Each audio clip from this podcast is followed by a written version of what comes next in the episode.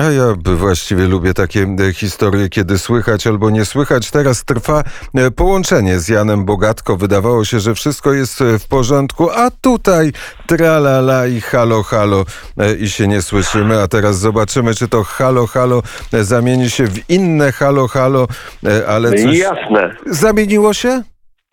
Zamieniło się To cudownie, panie redaktorze, jak to miło, że nie tylko my się słyszymy, ale też słuchacze w Warszawie, w Krakowie i we Wrocławiu nas słyszą. Czas zacząć korespondencję z Niemiec. Mam nawet słuchaczy tutaj nad granicą, to mi potwierdzono w, w rozmowach, więc y, po prostu zasięg jest znacznie większy niż by się wydawało. Y, tak, od czego zaczniemy? Może od spraw smutnych. Y, o tych już mówiono, zdaje się, dzisiaj, a mianowicie chodzi o Trewir.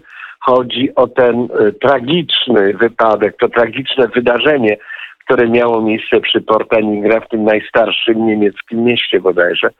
Trewir jest najstarszym niemieckim miastem.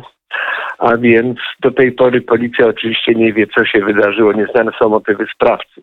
Wiemy, ile ma lat. Wiemy, że jest niezrównoważony psychicznie. Wiemy, że ostatnie dni mieszkał w samochodzie, że nie jest nigdzie zameldowany, że nie ma znajomych i przyjaciół i krewnych, co się wydaje w dzisiejszych czasach czymś w zasadzie normalnym, ale, ale jest to tragiczne. No i osoby, które zginęły, dziecko, 9,5 tygodnia, ojciec tego dziecka, 45-letni mężczyzna. Matka tego dziecka jest w szpitalu, podobnie jak mały, liczący półtora roku braciszek. To jest coś y, wstrząsającego. No i pozostałe osoby, trzy kobiety w wieku 25, 52 i 73 lat. Nawet y, w katedrze w Trewirze podczas nabożeństwa było więcej ludzi niż zezwalają na to przepisy y, pandemiczne, ale jest sytuacja zupełnie wyjątkowa. To jest grudzień, to jest Adwent.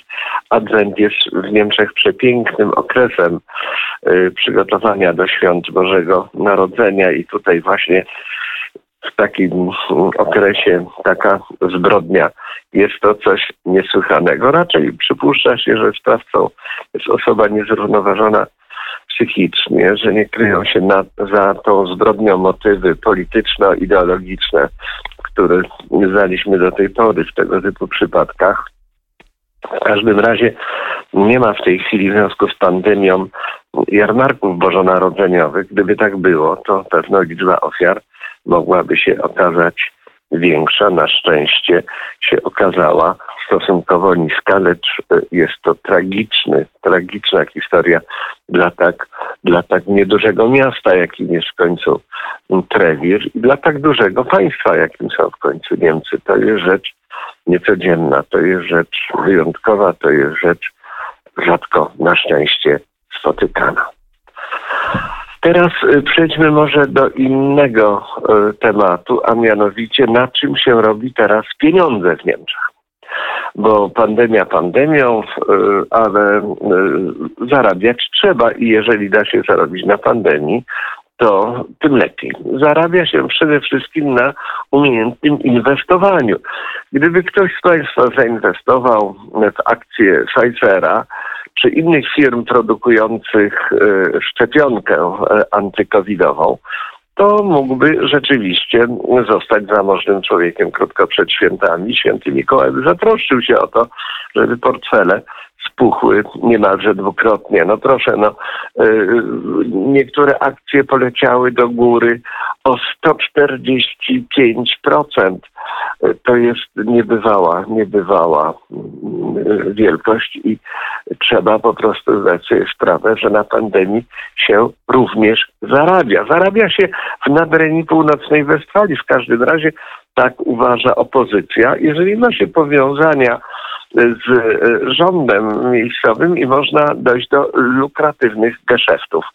Zarzuca się e, premierowi nadrenii północnej Westfalii CDU Arminowi Laszetowi, że pomógł swojemu synowi, który jest e, blogerem modowym. To jest bardzo ciekawa funkcja. Wielu polityków ma dzieci i te dzieci zajmują się pisaniem blogów o modzie, przez co również zarabiają oczywiście na reklamach zawartych na y, tym blogu i w ten sposób, jak to się mówiło kiedyś z nędzy, dochodzą do pieniędzy. W każdym razie y, y, Johannes Laszet zwany Joe otrzymał lukratywne zlecenie w pewnym sensie mm, na produkcję kitli i masek ochronnych związanych z COVID-em i na tym naprawdę zarabiała, zarabia ta firma, y, firma Fanlak, która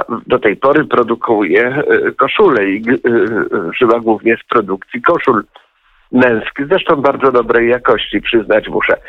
Szef tej firmy, Christian von Daniels, powiedział, przyznał się na łamach Rheinische Post, że produkcja masek zakrywających twarz to jest w ogóle interes wielkiej klasy.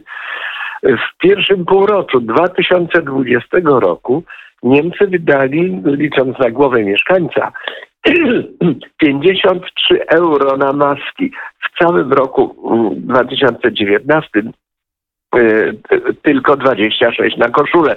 A więc to oznacza, że ten produkt to jest rzeczywiście złota y, kura, czy też raczej kura znosząca złote, złote jaja. Y, jaka, jak wygląda sytuacja na, w związku z, na froncie z walki z koroną w Niemczech? No mm, i są to bardzo mm, niedobre wiadomości nadal, no bo około mm, niespełna 500 osób y, zmarło w toku ostatniej doby, ale ja do końca nie rozumiem na czym polegają te statystyki, więc nie będę się w nie specjalnie za, y, zagłębiał. Y, co ze spraw polsko-niemieckich, bo one są też ciekawe, no to najciekawsze w zasadzie dla nas, można by powiedzieć. E, w każdym razie wygląda to tak, że e, na łamach niemieckiej prasy, to jest już reguła pewna, która jest w większości lewicowa i o tym, że jest lewicowa, mówię za każdym razem, więc już nie będę się powtarzał. E, znajdują się wypracowania, można to tak nazwać, polskich europopulistów, którzy protestują przeciwko strasznego ich zdaniem stanowisku rządu polskiego, który mm, grozi wetem, których nie chce się zgodzić na budżet unijny, a nie chce się zgodzić na praworządność. Oczywiście ta praworządność nie jest nigdzie zdefiniowana, więc to jest e, po prostu można powiedzieć kij baseballowy, którym się e, traktuje chłopca do bicia, czy chłopców do bicia, bo jest ich dwóch. E, dawniej chłopcy do bicia byli traktowani bardzo elegancko, to znaczy na kolano i pasem, a teraz i kijem baseballowym. To jest też pewien duch czasu, e, od którego nie możemy się wyzwolić. A więc na łamach Beat Side to jest bardzo lewicowy e, niemiecki tygodnik. Pamiętamy, że Gräfin Dönhoff była Y, przez wiele lat szefową tego, tygodnika, y, więc to jest już wiadomo, y, co to jest za organ. Na łamach tego tygodnika jest artykuł, którego współsprawcą jest Piotr Buras pod tytułem Jak Unia Europejska może odwrócić mm, kij w toku tej walki i inaczej jakoś załatwić y, y, sprawę y, programów, które przynoszą wiele korzyści materialnych, jak twierdzi tygodnik, zwłaszcza Węgrom i Polsce. Piotr Buras jest to bardzo ciekawa postać. Jest to dyrektor warszawskiego biura regionalnego, biura ECFR. Co to jest ECFR? To jest European Council on Foreign Relations to jest Europejska Rada Spraw Zagranicznych, think tank niezależny, twierdzi się, utworzony w 2007 roku. Pierwszy o ogólnoeuropejskim zasięgu. W tej Radzie jest wielu bardzo znanych y, Polaków. Na przykład Leszek Balcerowicz, Marek Belka, Jan Krzysztof Bielecki, Henryka Bochniarz, Jerzy Buzek, Danuta Hübner, Aleksander Kwaśniewski, Andrzej Olechowski, Adam Daniel Rotfeld, Piotr Serafin, Radosław Sikorski, Aleksander Smolar i Paweł Świeboda. Więc widzimy, elita elit jest i po prostu jej europopulistyczne nastawienie jest znane chyba wszystkim i nie należy go specjalnie pogłębiać. To jest chyba wszystko, co mógłbym Państwu przekazać dzisiaj z Niemiec. A przekazywał Jan Bogatko, którego mam w kieszeni, a właściwie zdradzając tajemnicę jego legitymację dziennikarską podstemplowaną na rok 2021. Melduje, panie redaktorze, wykonanie zadania i tym Kończymy poranek wnet. Za chwilę wiadomości. Jaśmina Nowak, Krzysztof Skowroński. Bardzo serdecznie dziękuję za uwagę. Zachęcam do słuchania Radia Wnet. Będzie w radiu się działo. Dariusz Konkol zrealizował poranek, a za chwilę Jaśmina Nowak.